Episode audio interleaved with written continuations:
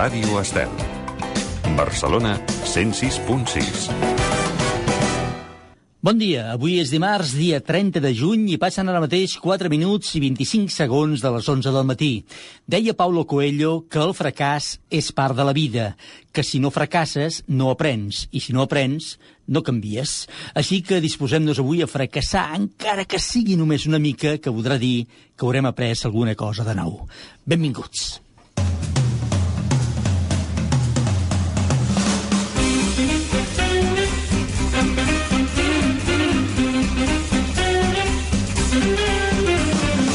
Oh, Déu meu, cada dia una llista de 10 per enriquir la nostra vida.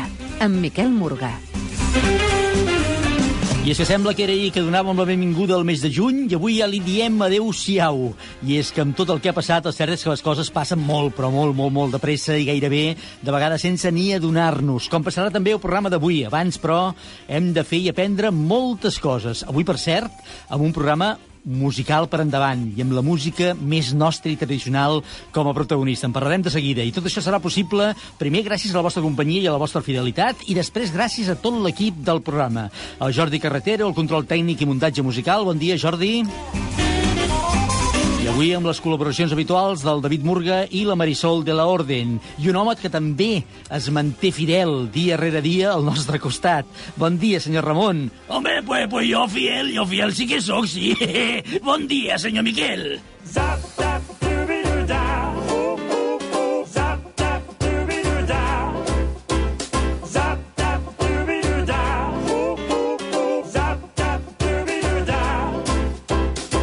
Mira, havia de confessar una cosa, senyor Ramon. Al principi, mira, avui li diré, ja fa dies que volia dir però avui li diré. Al principi em va costar una mica acostumar-me a tenir-lo vostè aquí cada dia, a l'estudi al meu costat, i també havia de dir que de vegades fins i tot se'm feia una mica... Eh, no sé com dir-li, perquè no... Ja, ja m'entendrà, eh? no se m'enfadi. Se'm feia una mica carregós haver-lo d'aguantar en començar cada programa.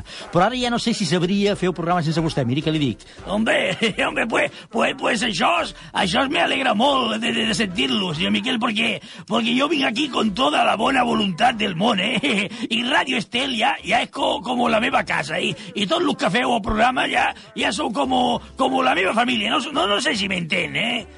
És molt bonic això que diu, senyor Ramon, eh? i li agraeixo molt, a més a més. Per això destacava jo el tema de la seva fidelitat cap al programa, m'entén? Eh, que, que jo li, li lo repeteixo, eh? Jo, jo sóc molt fiel, eh? Pe- Pensi que, que la meva Pilarín, que en pau descansi mai, però, però mai, mai de mai de mai, no li vaig ser infiel ni, ni con el pensament, eh? Molt bé, molt bé, escolti'm, ni amb el pensament, diu, eh? No, ni, ni, ni una vegada... Bueno, bueno, una... pu- pu- pu- pu- Poder, poder, estic exagerant una mica, eh? Con el pensament, a, a lo mejor, si, si li dic la veritat, una mica sí, però, però se, sense cap mala intenció, eh? Sense mala intenció, eh? Ja, ja ho veig, sí, sí. Ah, Ara, ara, ara que ho penso, eh, pe- pe- eh, po- poder sí, eh, pe- pe- però, però li prometo que mai, mai, mai, mai li vaig ser infiel, eh? Escolti, no cal que em prometi res, escolti, jo, jo no sóc aquí ni perquè em prometi res ni per jutjar ningú. A més, ser infidel amb el pensament requeriria tot un debat interessant que un dia podem fer, però no és avui el que toca, eh? No sé exactament què vol dir això de ser infidel amb el pensament. Bé, no, no ho entenc gaire. Bueno, bueno, pues, pues, pues que, po- por ejemplo, eh, que, que cuando andábamos a la playa y yo, yo veía una dona que, que, que, que estaba de buen ver, pues, pues pensaba, "Mi- mira qué guapa que esta dona. Bé, escolti'm, és una, reconèixer la bellesa, eh, que, vaja, no tinc cap sensació que sigui cap mena d'infidelitat, però, en fi, amb això, escolti, cadascú hi posa les seves normes. Aquí no seré jo qui les marqui. I ara entraríem en un carrer sense sortida, que no és el que hem de fer avui. Bueno, bueno, bueno, bueno, bé, veritat. Bueno, y, y ahora, ahora que lo estoy pensando también, luego cua- cuando andaba a comprar el diario de deportes allá, allá al kiosco, eh, Què li passava al quiosc? I, i què li passava al diari? bueno, pues, pues que, que la noia que lo vendía era, era, era molt guapa y, y molt simpàtica, eh? Y siempre me decía, bon dia, señor Ramón, ¿cómo está, señor Ramón? Qué guapo y qué ben pentinat va avui, señor Ramón. Y pues claro, con todo eso, pues ya, ya me enten, eh? Ya, ya me enten. Ja, ja l'entenc què? Bueno, pues que, pues que jo le respondia, eh? Jo li deia, tu també estàs molt guapa i, i ets molt simpàtica. Bé, em repeteixo, eh? A mi això em sembla més aviat un acte de cortesia i de bona educació, sobretot si es diu amb bona intenció, eh? eh em sembla això que no pas una infidelitat, la veritat. Ah, vale, vale, vale, vale, vale. Pues, pues mire, pues ya me quedo más tranquilo, ¿eh? Porque, porque son cosas que un sempre té a dintre i no sap muy bien si, si estan bé o, o, no, o no estan bé. No passa res, ja ho dic jo, senyor Ramon, tranquil·litzis. No sé com hem acabat parlant del quiosc i del diari esportiu, però, en fi, eh, ja que hi som, vostè és del Barça o no? Bé, bé, bé, por, por favor, que la, la duda ofende, que, que, que, clar, que soc del Barça. Bueno, primer soc del Betis, eh? però després del Barça, claro. Doncs escolti, no està la cosa gaire... Eh, això no està gaire bé, la cosa. Jo, jo no hi entenc gaire de futbol, però estan en baixa forma, no? Home, no, no, no, per, per, per què dius? Eh, Què diu? Ara, què diu? No, no, digui, no digui tonteries. Eh, El Betis sí que està fotut, pobre, que, que estamos allà al número 13 de la classificació, que, que escolti, ni amunt ni avall, ni primer ni últim, ja que no sabem on estem. Però el Barça, el Barça ja li dic jo que guanyarà la Lliga, ja ho veurà. Doncs no ho sé, no sé si fer-li gaire cas, eh? perquè no us veig jo amb gaires forces ni amb gaires ànims. Eh, sí, home, sí, que sí, sí, Miquel, que, que tot això és una estratègia, escolti, per donar-li una mica de vidilla a los merengues. Vaja, molt bé. És a dir, que, que segons vostè el Barça està perdent punts expressament perquè la Lliga tingui més emoció, no? I perquè el Madrid se'n refia una mica. Ah, això, això, mateix, això sí. Però, però ja li dic jo que a partir d'ara tot lo guanyarà. Doncs està molt bé que ho guanyi tot a partir d'ara, però si el Madrid, ja vi dic una cosa també, eh? Si el Barça ho guanya tot, però el Madrid també ho guanya tot, eh, acabarà guanyant la Lliga perquè va dos punts per davant del Barça, eh? Ah, sí? A veure, bueno, bueno, bueno, bueno, bueno, bueno, escolti, vo- vo- vostè no se preocupi que ja veurà com, com tot acabarà bé. Molt bé, si vostè ho diu, jo m'ho crec. I si no, tal dia farà un any. Claro que sí, no, no, no se té que perdre mai l'esperança, perquè l'esperança és l'últim que se perd. He dicho, ala. Molt bé, doncs vinga, perfecte, ha dicho. Per cert, avui la llista del programa, el nostre top 10, el dedicarem a la dansa més vella de totes les danses que es fan i es desfan. Ho sabia, no? Anda, i, i, i això què és, una, una adivinança? No, home, no, això és així com es defineix la sardana, és a dir, eh, la dansa més vella totes les danses que es fan i es desfan. Avui busquem precisament la llista de 10 sardanes de les que més agradin a la gent. Ah, vale, vale, vale, vale, que, que, que no lo havia entès, pensava que m'estava posant una prova. Escolti, vostè balla sardanes? No, no, no, no, jo, jo això no, eh? La meva Pilarín, que en pau descansi, ella, ella sí que ballava, eh? I, i molt bé, per cierto, eh? Pe- Però jo no, jo no, no, no, no. Eh, me, ei, que, que, que m'agrada molt, eh? I, I tot el diumenge, quan anàvem amb ella a la plaça, escolti, anàvem allà, ella ballava i mentre jo vigilava. Què, vol dir, que vi- vigilava la Pilarín? No, home, no, no, no, jo, jo quan, quan, tots estaven allà ballant, ja, jo, jo, jo era el que guardava los bolsos. Que guardava els bolsos? Escolti, però si el que es fa normalment és posar-los al centre de Barrotllana, allà mentre ballen. Bueno, pues, pues això, això mateix, pues, posaven los bolsos allà al centre i jo, i jo me portava una cadira plegable d'aquelles de la platja eh, i me sentava allà al costat i així, i així ningú se us emportava. A veure, un moment. Primera, si posen els bolsos, les bosses al centre, eh, tot recollit, suposo que entre altres coses deu ser perquè així estan controlats i ningú se'ls pot emportar. I segona, escolti, vostè seia allà al mig de Barrotllana, al costat de les bosses? Pues sí, senyor, sí, senyor, així, així veia bé com ballava la Pilarín, eh? Estava allà sentat jo i de pas controlava los bolsos, per si acas. Bueno, bueno, escolti, bueno, i, i al final també feia el crit, eh? Perdoni, eh, eh, feia el crit? Quin crit? Jo, jo me sí, sí, sí. Eh, jo quan s'acaba que tots diuen viva. Pues jo també aixecava la veu i deia viva. Eh, perdoni, no diuen viva, diuen visca. En fi, ja, ja l'he entès. Ah, vale, vale, pues, pues, pues, pues això.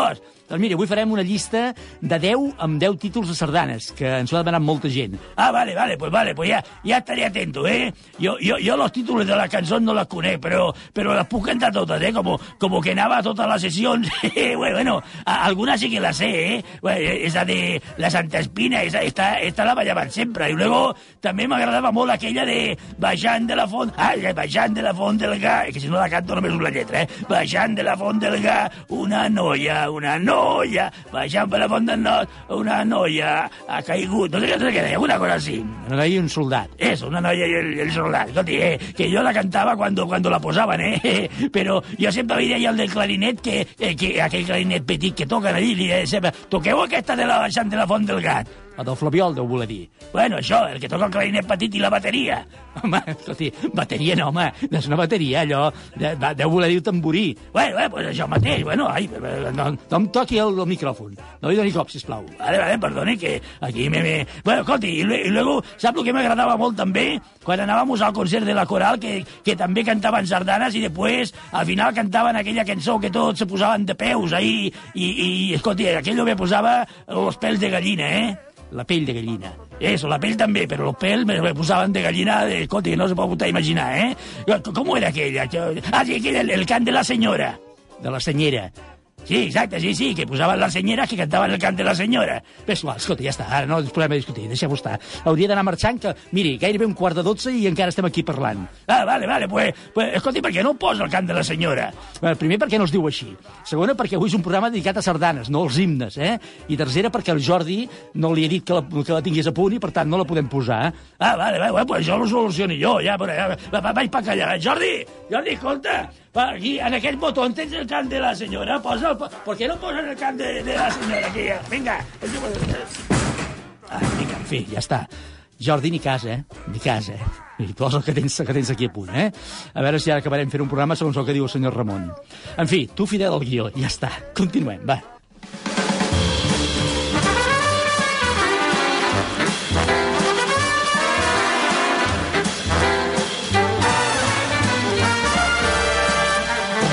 Recapitulant, i segons ja us avançàvem ahir, avui farem la llista de les 10 sardanes que més us agraden, aquelles que creieu que no haurien de faltar mai a una ballada ni a un concert de coble. Trieu-ne, si és que sou capaços, perquè això és una cosa difícil, només una, eh? una sardana, la que més us agradi, la que més heu ballat, la que penseu que és indiscutible, jo que sé, eh, agafeu el criteri que vulgueu. I com que sé que és molt difícil, i mentre us acabeu de decidir i aneu pensant, escolteu això que us hem preparat en forma de prèvia.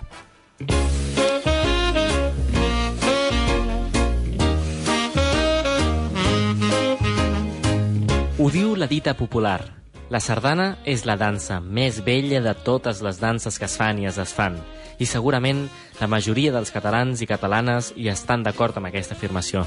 Però és molt probable que si investiguem una mica trobem alguna frase semblant que digui el mateix de les jotes aragoneses, de les sevillanes a Andalusia, l'escotge trigé a Holanda, la troika a Rússia o el baramballe al Senegal.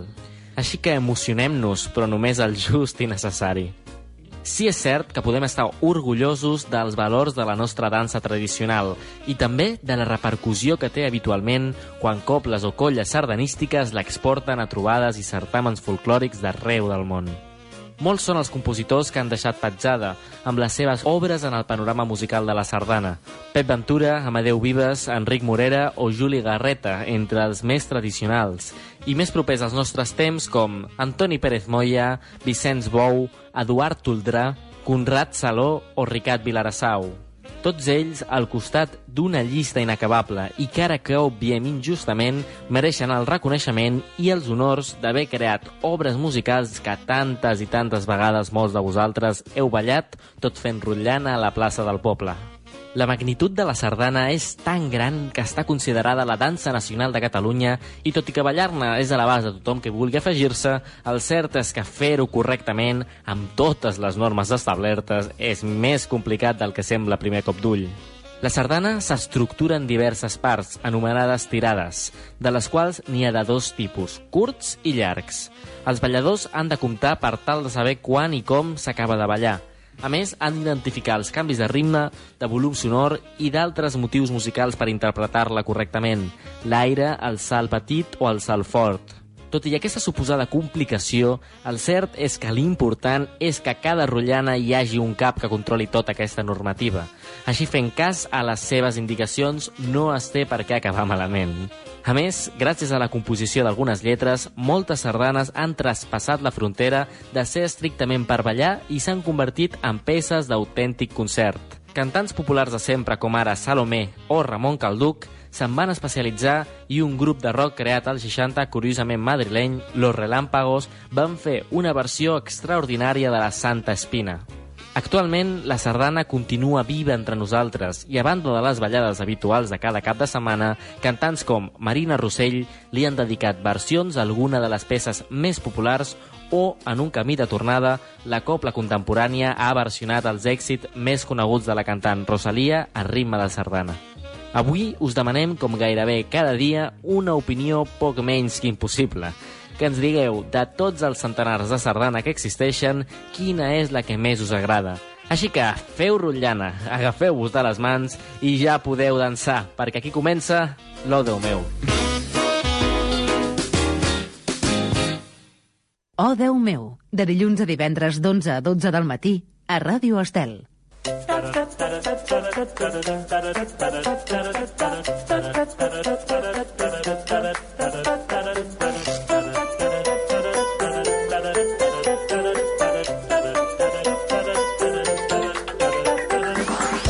Ara sí, ara sí que enfilem el camí de la llista d'avui. Busquem, recordeu, les 10 sardanes que més us agraden.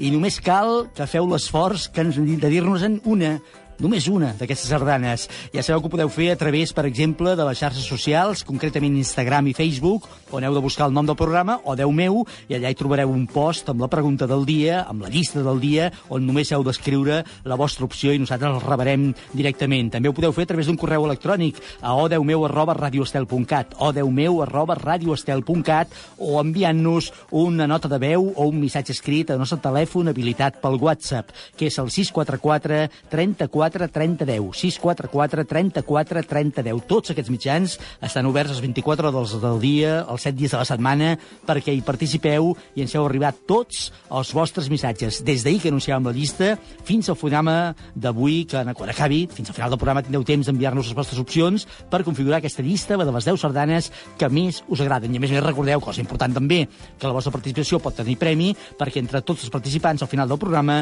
sortejarem un lot de vins Lovers Wine Elegance. M'agrada saber cada dia que em tens, que et tinc, que ens tenim. Lovers Wine Elegance. Vins creatius i mediàtics. Ens trobareu al carrer Besalú número 60 de Barcelona o visiteu-nos a la nostra botiga online www.elplacerdelatierra.com I recorda que som els creadors del vi Pepe Rubienes. Lovers Wine Elegance. Vins que desperten passions. Serà, com és habitual, a la nostra llista de 10 cada dia molt difícil confeccionar-la al final, perquè avui, molt concretament, amb el tema de les sardanes, hem tingut, tenim una participació extraordinària i molts títols per triar. Alguns dels que s'heu fet arribar en forma sonora són aquests. Hola, bon dia. Una sardana que m'agrada molt és Aquell rossinyol de Ricard Vilarassau. Gràcies. Per mi les sardanes que més em, em fan goig i, i que m'agrada ballar i, i que, que m'alegren el cor són el Sant Martí de Canigó, el Cavaller enamorat, la Llevantina, l'Empordà, Cançó d'amor i de guerra i la sardana de les monges. El que passa que n'hi ha moltíssimes més, però és que és impossible dir-les totes. Mare de Déu, amb la quantitat de, amb la quantitat de sardanes maques. Bueno, eh, jo no en diré més d'una, avui em passo. La Santa Espina és la Moreneta, Llevantina i Recorda Calella. Au, adéu-siau, bon dia. La sardana que més m'agrada és la Santa Espina. Composta pel mestre Enric Morera, és sens dubte la més popular. Un segon himne de Catalunya que, sens dubte, ens fa vibrar. Oh, Déu meu,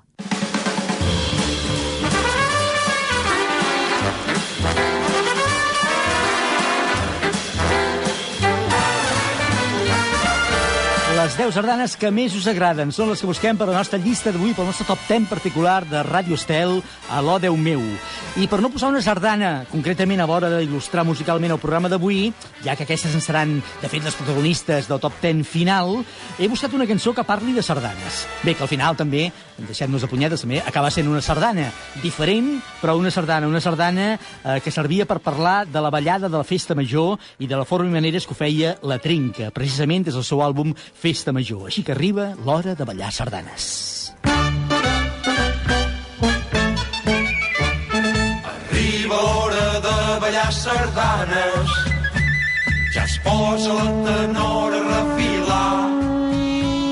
Renoi, tots en teníem moltes ganes, que els ossos ens podrien rovellar.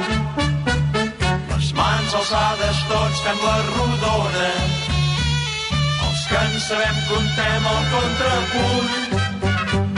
Vigila que són llars aquesta estona i treu-te aquesta cara de difunt. El vicari de Vic que té pèls al malic. Hi ha noies amb la mitja foradada.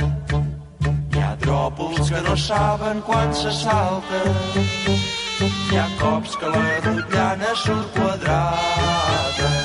Però bona voluntat mai no ens en falta.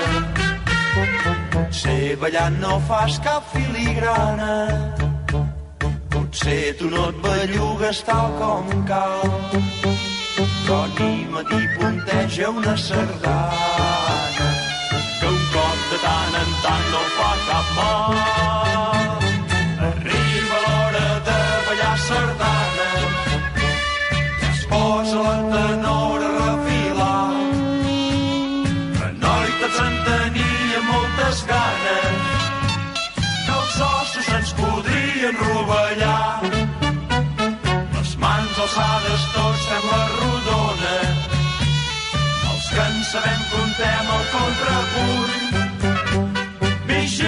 Són llars aquesta estona i treu-te aquesta cara de difunt. El vicari d'Arles ni té pèl ni té res.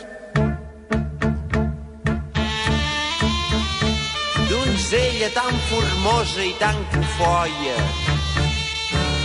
que dissortadament resta esglaiada. Qui gosarà ton cor omplir de joia? Qui gosarà deixar-te espaterrada? Donzella esdevinguda, dissortada, que el com estorador t'ha encès al pit. Els llavis et van fer una segellada. De fot, quin català més ben escrit.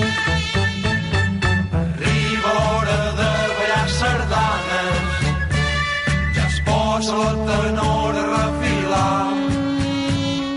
Que noi tots en tenia moltes ganes, que els ossos ens podrien rovellar. Les mans alçades tots fem la rodona, els que en sabem contem el contrapunt. Vigila que són llars aquesta estona i treu-te aquesta cara de difunt. L'hora de ballar sardanes, ja es posa la tenora a refilar. Que noi tots en tenia moltes ganes, que els ossos ens podrien rovellar.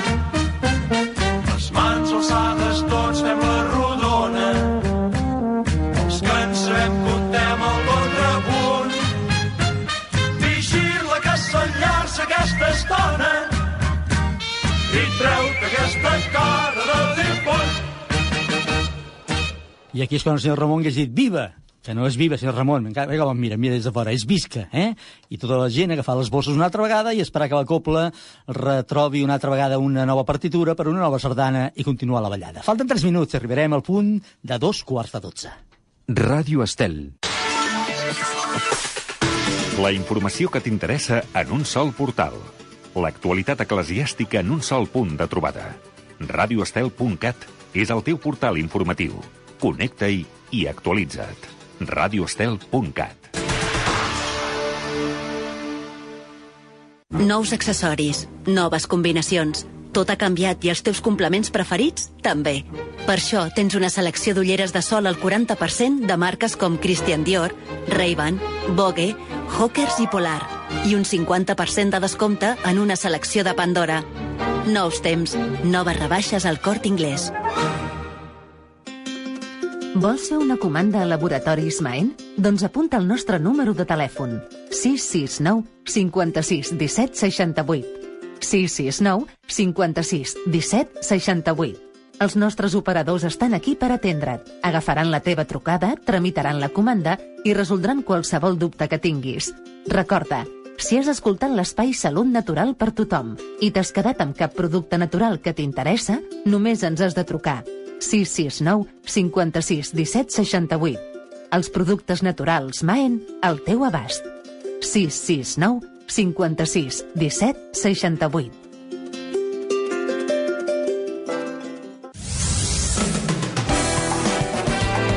Ràdio Estel.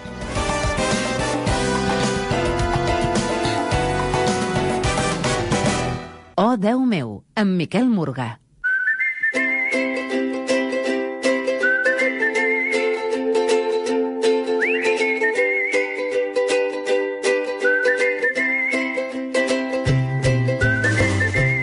La Déu meu de Ràdio Estel busquem la llista de les 10 sardanes que més us agraden. Així que hem pensat que era un bon dia també per parlar de les tradicions, entre les quals hi hauríem de tenir en compte, dic jo, les sardanes. Perquè des d'on i fins on podem acotar el que és una tradició? Les tradicions sempre van per força rabades a la nostra història, a la nostra cultura popular. A més de les més generalistes, cadascú pot construir les seves pròpies tradicions. Són aquestes i moltes altres preguntes que se'ns plantegen quan ens posem el tema davant nostre. Així que hem decidit deixar-nos assessorar per algú que n'ha fet de les tradicions, de l'estudi de la cultura popular, de la festa i molt concretament de les nostres festes, gairebé el seu argument de vida.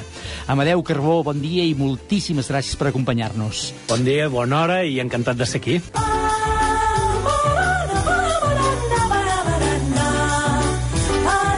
Amadeu Carbó és folclorista, escriptor i dinamitzador cultural i, com ell mateix es defineix, activista en el món festiu.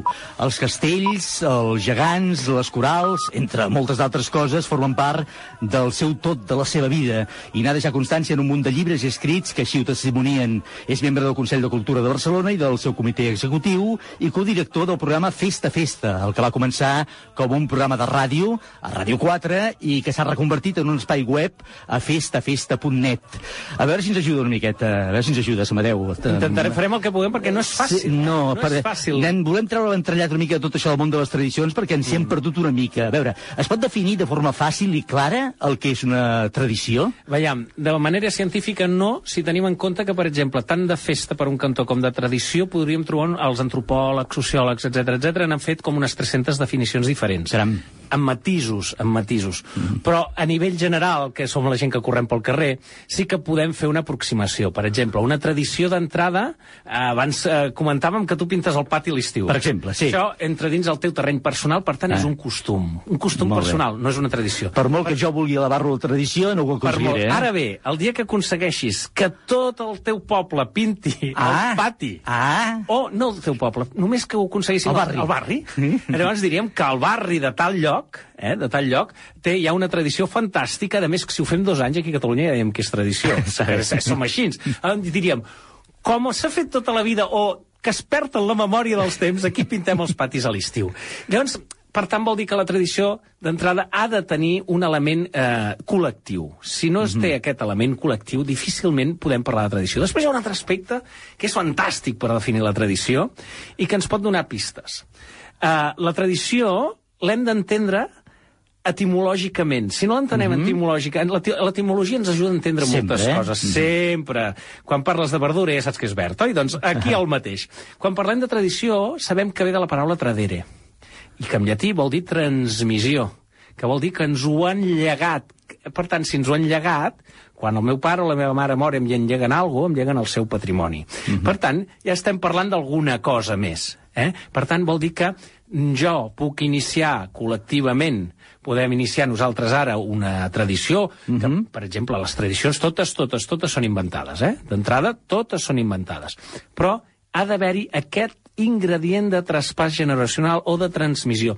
Si no, difícilment es pot considerar tradició. De fet, eh, per exemple, nosaltres en aquest país quasi bé la majoria de tradicions que estem realitzant ara a nivell de festes majors, moltes ens les vam inventar o vam participar inventant-les a partir entre el 78 i el 90 ens en vam Sí, inventar. la nova etapa democràtica, Ens en eh? vam inventar un fart i ara diem que són tradicions quan encara no hem efectuat el traspàs generacional. Mm, tot i que, si ens atenem a això, eh, són tradicions que ja van pels 50 anys, per tant, Sí, exacte, eh, vull dir que ja exacte. tenen una certa vida, una certa... Exacte, però mm, molts de nosaltres les hem vist néixer. Per exemple, eh, sense anar més lluny, el correfoc de la Mercè. Uh -huh. Eh, suposo que hauríem de partir de pensar que cada país, eh, cada cultura, cada espai geogràfic, amb identitat pròpia, té també les seves pròpies tradicions, per tant. Sí, perquè si... A veure, en, en tant en quant considerem aquest espai propi cultural com un espai...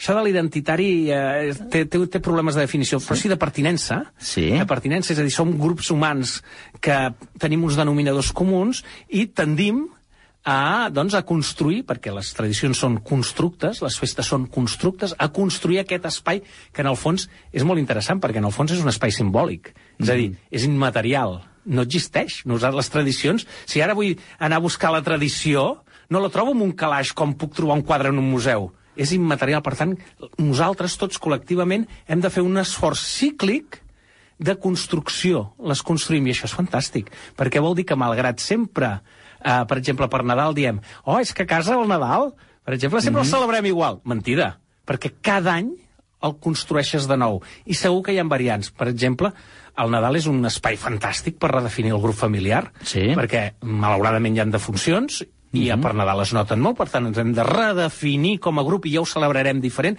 perquè resulta ser que aquella tieta que li agradaven les neules d'aquella manera ja no hi és, Mm. i aquelles neules, llavors, que no agradaven a ningú, es perpetuen a la taula amb record de la tieta. És a dir, hem sigut capaços de construir un imaginari nou.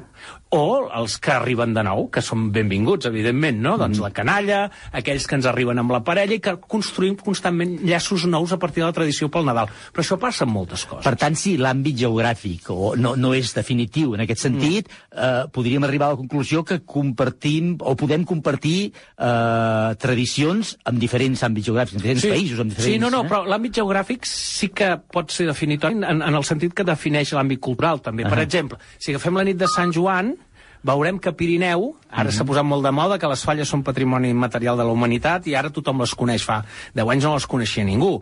Però a, a, en el cas de... llevat de la gent de Pirineu, eh? A, a, veurem que en l'àmbit de muntanya el Sant Joan es, de, es té unes, unes, unes maneres de celebrar-se que, per exemple, a la plana són diferents. Sí. Per exemple, nosaltres som a la plana o a, o, o a les ciutats som fogueres de, de, de trastos, no d'andròmines, de trastos vells. Traiem Mhm. els trastos vells i els cremem. I, en canvi, a Pirineu, molts dels pobles de Pirineu fan falles, que per nosaltres eren uns grans desconeguts. I hi ha un denominador comú, que són, eh, són pobles de muntanya. Mhm. Per tant, l'àmbit geogràfic també també condiciona. I, evidentment, una part molt important en la tradició és la gastronomia. Per tant, l'àmbit geogràfic aquí és clau, també. El producte és clau. Ara parlarem de gastronomia, que això em té, em, té tabalat una miqueta, No, mi, eh? més que tabalat, a mi m'agrada molt. Sí, no, no, està bé, està bé, està bé. De tota manera, sempre hem escoltat dir que Catalunya és un país ric en tradicions. Mm. Això és realment així o és equiparable al que tenen altres països i això ho acabem dient una mica per, És treme- per complaure el nostre ego personal? És tremendament ric en tradicions, com qualsevol altra comunitat amb Molt bé. identitat pròpia. Si les dues coses són certes, eh? eh? És ric i però, Eh, sí, sí, com perquè totes les comunitats humanes que tenen un cert, eh, un certa mirada clara de grup tenen tradicions fortes. Eh, Quan desapareixen les tradicions és quan convertim les comunitats, les liquem, les convertim en identitats líquides. Per exemple, el cosmopolitisme o la globalització, sí. que culturalment no és res més que convertir-nos en identitats líquides, fa que tot s'estandaritzi i tot sigui igual. Uh, per mi això és una pèrdua de patrimoni. Si perdem uh, patrimoni, som més pobres, en aquest cas culturalment. Però aleshores, deixi'm que ho digui, eh, un país on en les últimes dècades ha rebut infinitat de milers i milers de gent d'altres cultures, sí. no només de la resta d'Espanya, sinó de, de, de, de Llatinoamèrica sí. o de- d'arreu del món, i que també aporten I la tant. seva riquesa I tant que tradicional. I, I és que nosaltres... eh, Com ho compaginem, això? No, no, no és, que, no és que ho compaginem, és que això s'ha de rebre amb, amb una naturalitat absoluta. És a dir, quan parlo, per exemple, de cultura popular a Catalunya, ara, hem, per, per entendre'ns i per no fer un discurs eh, teòric, eh, ens entendríem molt més si parlem de cultures populars que totes sumen. És a dir, nosaltres eh, no existeix una cultura popular catalana, de allò, per dir-ho d'alguna manera, de puresa, eh, Mhm. perquè seria parlar des d'un punt de vi- vista etnocèntric. Ahà. Això és molt perillós. Molt. Perquè, al final, treballem des d'ideologies. Parlar des d'una ideologia etnocentrista, tots sabem a Europa on la va portar fa, fa 70 anys, eh? Llavors, a totes aquelles cultures, totes aquelles persones que aporten, estan contribuint al constructe cultural. Per dir-ho d'alguna manera, Uh, la meva àvia, per parlar en plata, que seria mm -hmm. més que centenària, la meva àvia no havia menjat mai un gazpacho. Sí, el, I això ella considerava fins i tot... Perquè, clar, això venia de fora, eh? El gazpacho venia de fora. Ara tots nosaltres mengem gazpacho. Mm -hmm. Vale? Per posar un exemple, eh? estic caricaturitzant el fenomen, eh? Uh, però també dintre de quatre dies, si no ara, evidentment, a casa tots estem fent cuscús i tabulers, i estem fent menjars uh, propers a, a, a la cuina llatina, Sí. etc etc. Això suma, això s'incorpora al, no, al nostre constructe cultural. Això és, alguns, hi ha, algunes aportacions ja són catalanes, perquè les estem generant aquí, i d'altres ho seran de dret propi. Em tranquil·litza. Em tranquil·litza I perquè tant. per, per, si no estem traint res No, ni ningú, no, eh? no, que, i que la gent Molt es tranquil·litzi. La gent es tranquil·litzi.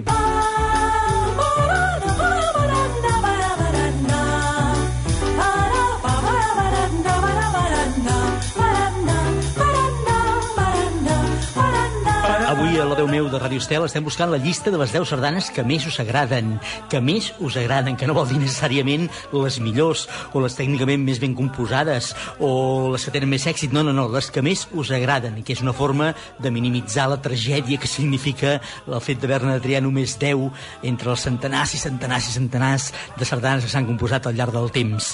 I estem aprofitant per parlar de tradicions, i ho fem amb l'Amadeu Carbó, que d'això de les tradicions en sap un munt i ens està aclarint moltes i moltes i moltes coses. Eh, mm, suposo que com tothom hem escoltat parlar moltes vegades, també vostè, senyor Carbó, d'allò que... Sobretot això ho diu la gent gran, eh? Allò de que les tradicions es perden, que la gent jove ja no, ja no celebra les tradicions com ho fèiem nosaltres. Hem d'estar preocupats per tot això. No en el sentit de... A veure, no ens hem de preocupar. Hem d'observar. Hem d'observar què passa. Jo m'ho miro des d'un punt de vista del curiós que li agrada aquest fenomen. Però les tradicions és com tot. Les tradicions per, per, es mantenen vives mentre són útils a aquella comunitat que les celebra. El dia que deixen de tenir sentit, les deixen de fer. Hi ha qui diu, oh, però llavors, allò que dèiem, perdre el patrimoni. Sí, però és que aquest patrimoni ha de ser útil i ha de tenir un sentit. Si no, si no el que fem és fossilitzar fossilitzar una tradició. I fossilitzar una tradició és el pitjor que li pot passar. Hi ha dues coses que són els, la, els grans enemics de les tradicions. Una, fossilitzar perquè perd vitalitat, i dos, infantilitzar-la perquè vol dir que la vols mantenir viva d'una manera fora de context i fora de la força. Això són els dos gran, un dels dos grans enemics. De Deixi'm frivol- frivolitzar una miqueta. Uh, a casa, per exemple, a casa meva, com en tantes llars catalanes, uh, quan uh, hi ha la tradició, per exemple, quan et conviden a dinar a un lloc, has de portar el tortellet ah. o el braç de gitano o allò que sé. Això és Uh, fantàstic. uh, això, això també. és un costum. Això és un costum, eh? Això és un costum... Uh, uh, i... Ja sé que és menor, eh? Però, però, però, I els, però, però... els, que, però que està molt bé perquè els pastissers tenen dret a viure del seu treball. Tenen dret, I no ho tenen fàcil, eh? No ho tenen gens fàcil últimament. Per tant, ma- mantinguem-ho, eh? Sí, com a tradició A més, o com a intent. A mi m'agraden molt els de cabell d'àngel, ja t'ho diré. Els tortells de cabell d'àngel, per mi, eh, em, a mi personalment, em porten els diumenges de casa a la fa... El meu pare era pastisser. Ah, I llavors, per, els diumenges Quina sort. sempre portava tortells. Mm -hmm. Hi havia els de cabell d'àngel, que a mi m'agradaven molt, i llavors els de massapà, que a casa en dèiem, clar, si un era de cabell d'àngel, l'altre era el del cabell de dimoni. Les tradicions es traspassen, sempre s'han de dir que es traspassen de pares a fills, a través dels avis. Si tenim en compte que els nuclis familiars han canviat tant mm. en els últims anys, aquesta transmissió també deu tenir unes variants diferents, esclar, eh? Esclar, d'entrada, els rols els rols en una casa han canviat. Uh, abans hi havia uns rols molt marcats de l'avi, la mà, l'avi, l'àvia, llavors hi havia una segona generació que probablement vivien al mateix domicili. Sí, clar. Per tant, hi havia Mhm. una altra parella que eren més joves, que eren els fills i els nets, no? Ara normalment són famílies nuclears les que vivim a, les que vivim Mhm. I de en molt pisos. diversa formació, I de més. molta diversa formació, hi ha famílies monoparentals, famílies de pare i pare i fill, de mare a mare i fill, de mare sola, pare sol, és a dir, hi ha totes les combinacions possibles i tots són famílies, no? Llavors, clar, aquests rols canvien, però sempre la tradició acaba buscant aquella manera, és a dir, nosaltres acabem buscant aquella manera, doncs, per fer aquesta transmissió. El cas del Nadal amb el pessebre és espectacular. Sí. De, uh, el, el, per exemple, com fem el pessebre, uh, tots tenim molt marcat de com l'avi baixava la caixa de l'altell, i, curiosament, aquells mateixos patrons se segueixen repetint, encara que no hagi l'avi, doncs ho fa la germana, ho fa... És a dir, ens repartim aquells papers, però en el fons seguim, d'alguna manera, i ara dit de la paraula clau, seguim fent el mateix ritual, és a dir, seguim ordenadament aquelles, eh, aquelles coses que fèiem per fer el pessebre. Com anar a la muntanya uns dies abans a buscar la molsa. Va, va, ara això, això, això, compta amb això, compta amb això. Sí, però, però, però, però també, eh? Sí, Sí, que és sí, una sí, cosa sí. que, que tenim tots al cap. Exacte, sí, però nosaltres hem de dir que no la fem, hem de dir que no la fem. No, que la que està protegida. Molt bé, molt bé. Perdó, però, però, en fi, vull dir, però sí que és veritat que tots tenim aquella imatge de- d'haver anat amb I tant. l'avi a buscar I anar eh? a la Fira de Santa Llúcia a buscar aquella figura. Exacte. Uh, molts n'hem après a través mm, les tradicions on ens han arribat, no només a través de la família, sinó també a través de la nostra participació, jo que sé, grups d'esplai, Sí, d'excursió, la coral, el grup de teatre... Per tant, aquí l'associacionisme hi té un punt És importantíssim. que eh? aquest país, eh, l'associacionisme és no només important per la transmissió de les, de les tradicions, sinó que és important perquè és uh, un esquelet que vertebra perfectament aquest país i el té fort. Nosaltres, sense associacionisme, haguéssim perdut a cada bugada un llençol. En aquest país, l'associacionisme ha fet aquella mena d'esquelet i també de musculatura que, que, que aguanta quasi bé tot, fins i tot, és substitu... de vegades actua de substitutori d'administracions, d'institucions polítiques per tirar endavant coses. Vull dir, no cal que, que ens estenguem, eh, tots tenim exemples darrerament, no? Doncs amb les tradicions és, ha sigut molt important. Per exemple, jo recordo, jo recordo, i allò va ser clau per recuperar les castanyades eh, eh, aquí en el país, sí. recordo uns fulls que feia eh, tradicions i costums d'òmnium cultural. Estic parlant dels anys 70, finals dels 70, principis dels 80, que doncs, les castanyades, al deixar-se de celebrar el tots sants entès com un ritual de, de, de record i de culte als avantpassats, la castanyada també va decaure. Mm -hmm. Va decaure. Doncs van ser prou hàbils doncs, per mm, crear una campanya des de les associacions per celebrar les castanyes associatives. I això va fer que tornessin a refutar. Una cosa similar van fer amb el tió, també, eh? I amb moltes altres tradicions. Però realment eh, eh, li van donar un nou context. I l'associacionisme ho va permetre. Va ser qui va reimpulsar la, la tradició. Uh, n'haurem de fer un altre programa. Ah, perquè, no, perquè, vulguis. perquè, clar, és que no, no, no tenim gairebé més temps i em, tinc la sensació que ens queden moltes coses per a, que ens pugui explicar l'Amadeu Carbó. De tota manera, abans d'acabar, la tracaré una miqueta. Va, eh? traca. Quina és la tradició que no ha deixat mai de celebrar l'Amadeu Carbó? Els Reis. Els Reis, eh? Els Reis. Ens ho deia una, una persona també... Uf, eh? tant, és curiós, està bé, està bé, està bé, està bé. Els Reis, els Reis. No, no, no que no hagi deixat de celebrar mai, sinó que és potser una de les que jo sento... Sant Joan i Reis, per exemple, per mi són molt potents. N'hi ha Sí. més, eh, però Sant Joan Sí. i Reis. Sí. Nosaltres, ens han quedat moltes preguntes per fer-li, eh? eh? En tot cas, només recordem que podeu eh, escoltar tot el que en sap i molt de tradició de cultura popular eh, a través d'un programa de ràdio I tant. que es pot escoltar per internet I tant. i que a través de festafesta.net .net, net, i allà trobareu setmanalment un programa de ràdio al servei de tothom que és amant de la cultura popular o dels curiosos, també. Avui l'hem estirat del seu programa de ràdio i hem portat un altre programa de ràdio que és la veu meu, Amadeu Carbó. Moltíssimes gràcies, No, gràcies a vosaltres. visita. I jo encantat, i oh, Déu meu. Oh, Déu meu, cada dia una llista de 10 per enriquir la nostra vida.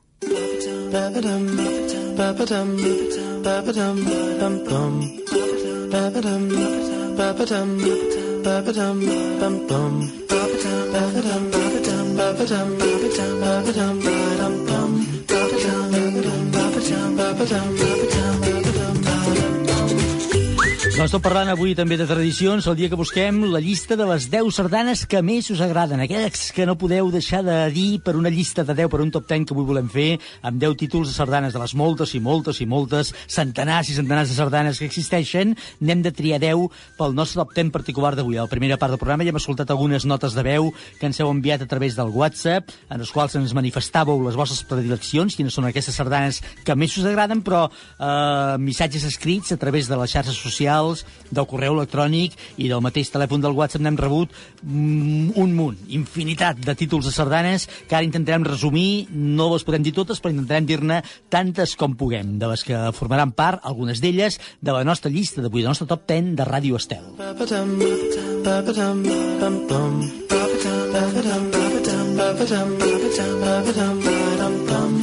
Per exemple, a través de xarxes socials ens arriben els missatges de la Montse RS que ens diu l'Empordà. És molt bonica, ens diu. Efectivament, l'Empordà, entenem l'Empordà com la sardana, eh? No pels més joves que de seguida escoltaran la sopa de cabra, no. També va tenir molt d'èxit, però ara busquem la sardana, que és molt anterior a aquest èxit del grup de sopa de cabra. La Laia Cobo ens diu els degotalls una sardana que està dedicada precisament als degotalls de la muntanya de Montserrat.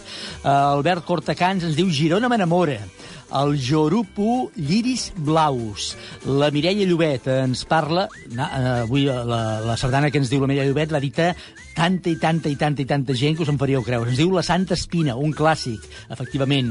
L'Antònia Rubió, a través del correu electrònic, ens diu La sardana de les monges d'Enric Morera. Com exalumne de les monges encara guardo bons records, ens notifica. El Miquel Jou ens diu Girona i Mada, que es noti la presència dels gironins. Molt bé, Miquel, aquí queda constància. La Mariona MR diu el meu racó preferit eh, eh, per escoltar sardanes és sempre la plaça del poble i jo hi poso sempre per acabar la ballada la Santa Espina. Perfecte. El Pere Alegre ens diu baixant de la Font del Gat, a més fa de bon cantar, efectivament, perquè té una lletra molt fàcil i que s'ha popularitzat molt. El Jordi Riquelme diu la sardana del Vallespí, de la cançó d'amor i de guerra. La Mercè del Saltiró de la Cardina, la Santa Espina i l'Empordà, una altra vegada. Albert Roig ens diu la Maria de les Trenes i la sardana de les monges. El Ricard M.M. ens diu no sé el títol, però aquella que parla de la Moreneta, que és la fe del poble català. Doncs jo diria que és la Moreneta, eh? és la Moreneta, es diu així la sardana, no m'ho diria pas equivocar, però em sembla que és així. I el Ramó, Raimon Pere Caula ens diu la Santa Espina, l'Empordà i Llevantina. I per acabar, n'hi ha més, eh? però acabem aquí. L'Esteve ens diu Sota el Mas Ventós i la Santa Espina. Ja veieu que la Santa Espina es va repetint en uns i altres missatges. déu nhi tenim moltes sardanes avui per triar, no sé com ens ho farem, però al final, com sempre, ho haurem de fer. Haurem de triar les 10 sardanes que més us agraden.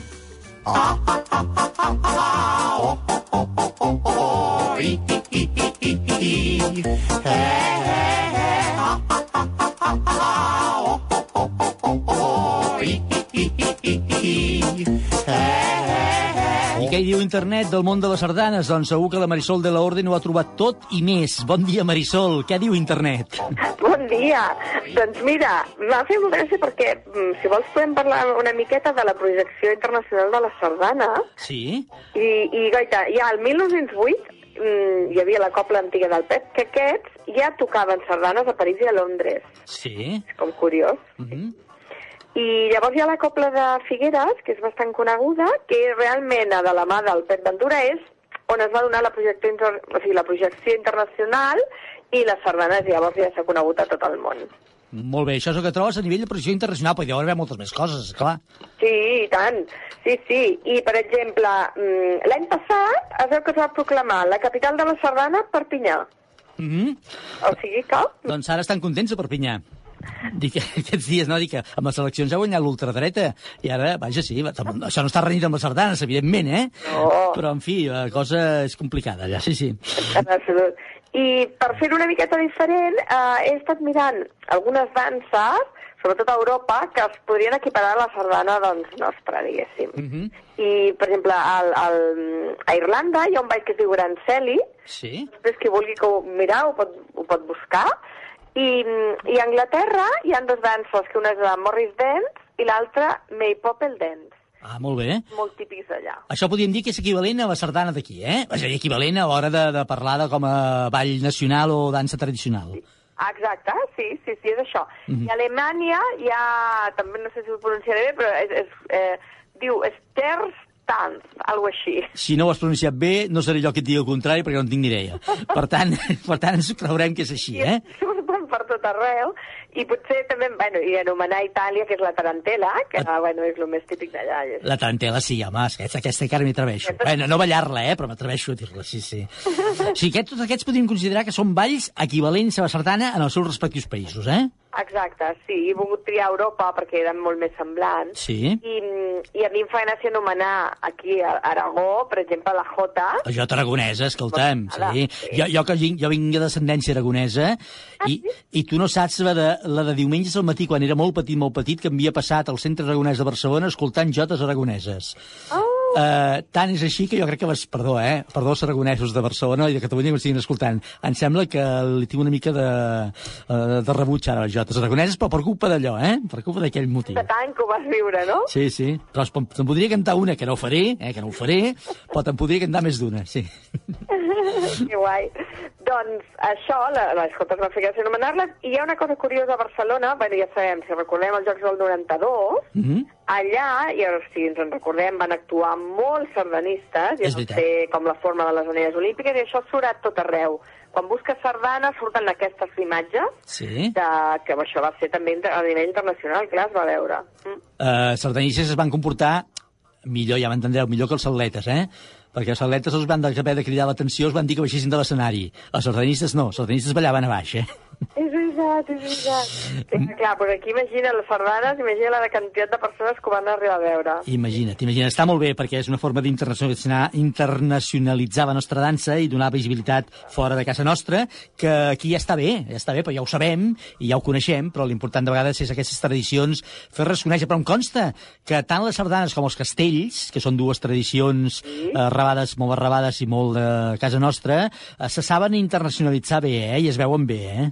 Sí, sí. Mhm. Sí, sí, és veritat, les dues, i a més hi ha actuacions a molts llocs a, a diferents països. Uh -huh. Això, i tant. Tu balles sardanes, Marisol? Jo m'encanten les sardanes i de petita sempre ballava sardanes i ara puntualment per algun, alguna festa, com l'últim que vaig fer va ser aquest any, no, el Sant Madí, que és la festa de Sant Cugat, Sí. vaig ballar sardanes. Ah, molt bé, molt bé. Però, però compte si reparteixes o no? Mana? Si comptes si reparteixes o només balles i ja està. Ara és No. només. Molt bé, molt bé, molt bé. Molt bé. Va, no et posaré més en compromís. Alguna cosa més, Marisol, referent a les sardanes internet? Mira, doncs, home, podríem dir que el que consta és que el Dia Universal de la Sardana consta el 17 de juny. Molt bé. I mira, també ha estat bé avui fer aquest programa. Sí, perquè està molt proper, en acabar el mes de juny, que l'acabem precisament amb aquesta llista de 10, de les 10 sardanes que més us agraden, que a més a més, deixa'm-ho dir, Marisol, és una llista que ens reclamava molta audiència, ens ho havien dit, i per tant, fent cas als seus desitjos, avui hem volgut fer-la realitat. Gràcies, demà hi tornarem amb una altra llista nova. I tant. Gràcies, Miquel. Adéu-siau, bon dia. Fins ara. Oh, Déu meu, de dilluns a divendres d'11 a 12 del matí, a Ràdio Estel.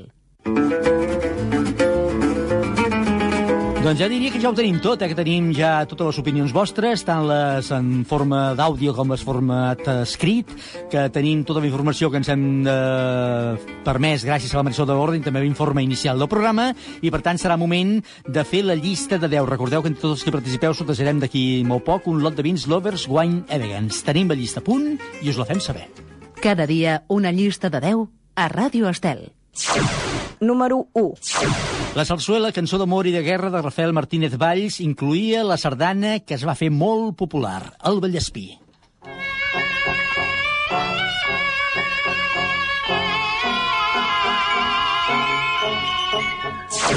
Número 2. És la moreneta la fe del poble català. Així ressaven els primers versos d'una sardana que es va fer molt popular en unir fe i patriotisme. És la moreneta.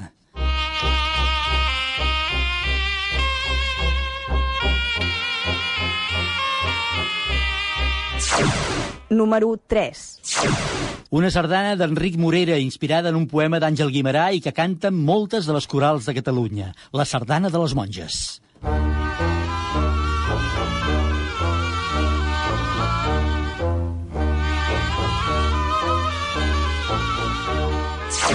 Número 4. Vicenç Bou és un altre dels compositors de sardanes més reixits. De les seves composicions en destaca aquesta, Llevantina.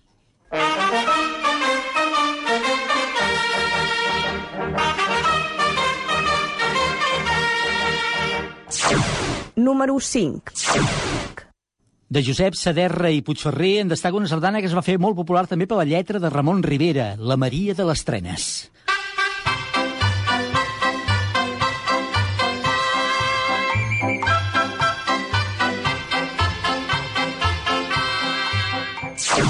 Número 6.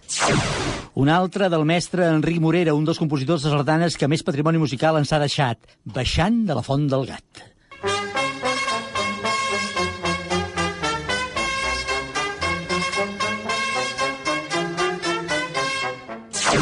Número 7. Vicenç Bou apareix novament a la nostra llista d'avui de Déu meu amb el saltiró de la Cardina.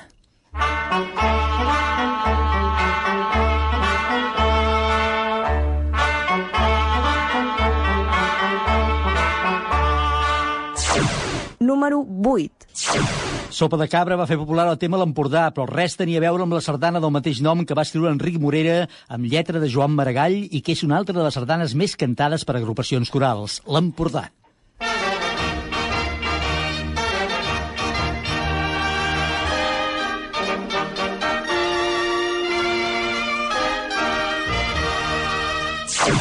Número 9. Els gironins han deixat avui constància de la seva fidelitat a la terra a partir de votar per aquesta sardana de Vicenç Bou, Girona Animada.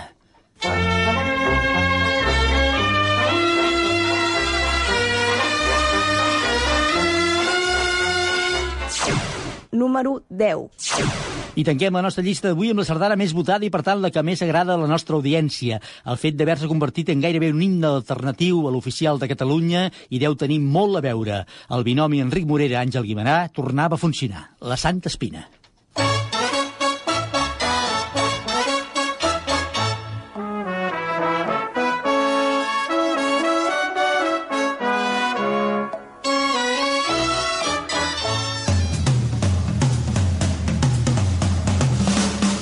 Doncs un minut ens falta per arribar al punt de les 12 i hem trobat ja la llista de les 10 sardanes que més us agraden. És la que hem escoltat i gràcies a la qual hem arribat al final del programa d'avui. El lot de vins Lovers Wine Elegance avui farem arribar al Ricard MN, que ens deia, no sé el títol, però aquella que parla de la moreneta. Doncs també ha entrat a la nostra llista. Demà dimecres hi tornarem i ho farem una llista culinària, que ja hem comprovat que tenen molta acceptació entre vosaltres. I com que ja som immersos en ple estiu, demà buscarem els 10 millors plats per l'estiu. 10 plats, si voleu, 10 receptes per quan arriba la calor. De les sardanes, els plats per l'estiu. Per cert, ja que parlem de sardanes, els diumenges a Ràdio Estel, tot sardana, amb Gerard Carrion de 9 a 10 i mitja a dos quarts d'onze del matí, és el programa de sardanes de Ràdio Estel. Gràcies a tots per participar un dia més i a tot l'equip que ha fet possible el programa, el Jordi Carretero, el David Murga, la Marisol de l'Orden i el senyor Ramon. Demà hi tornarem a partir de les 11 i pocs minutets. Fins aleshores, que tingueu un molt bon dia. Recordeu, busquem receptes de cuina per l'estiu. Adéu-siau, bon dia.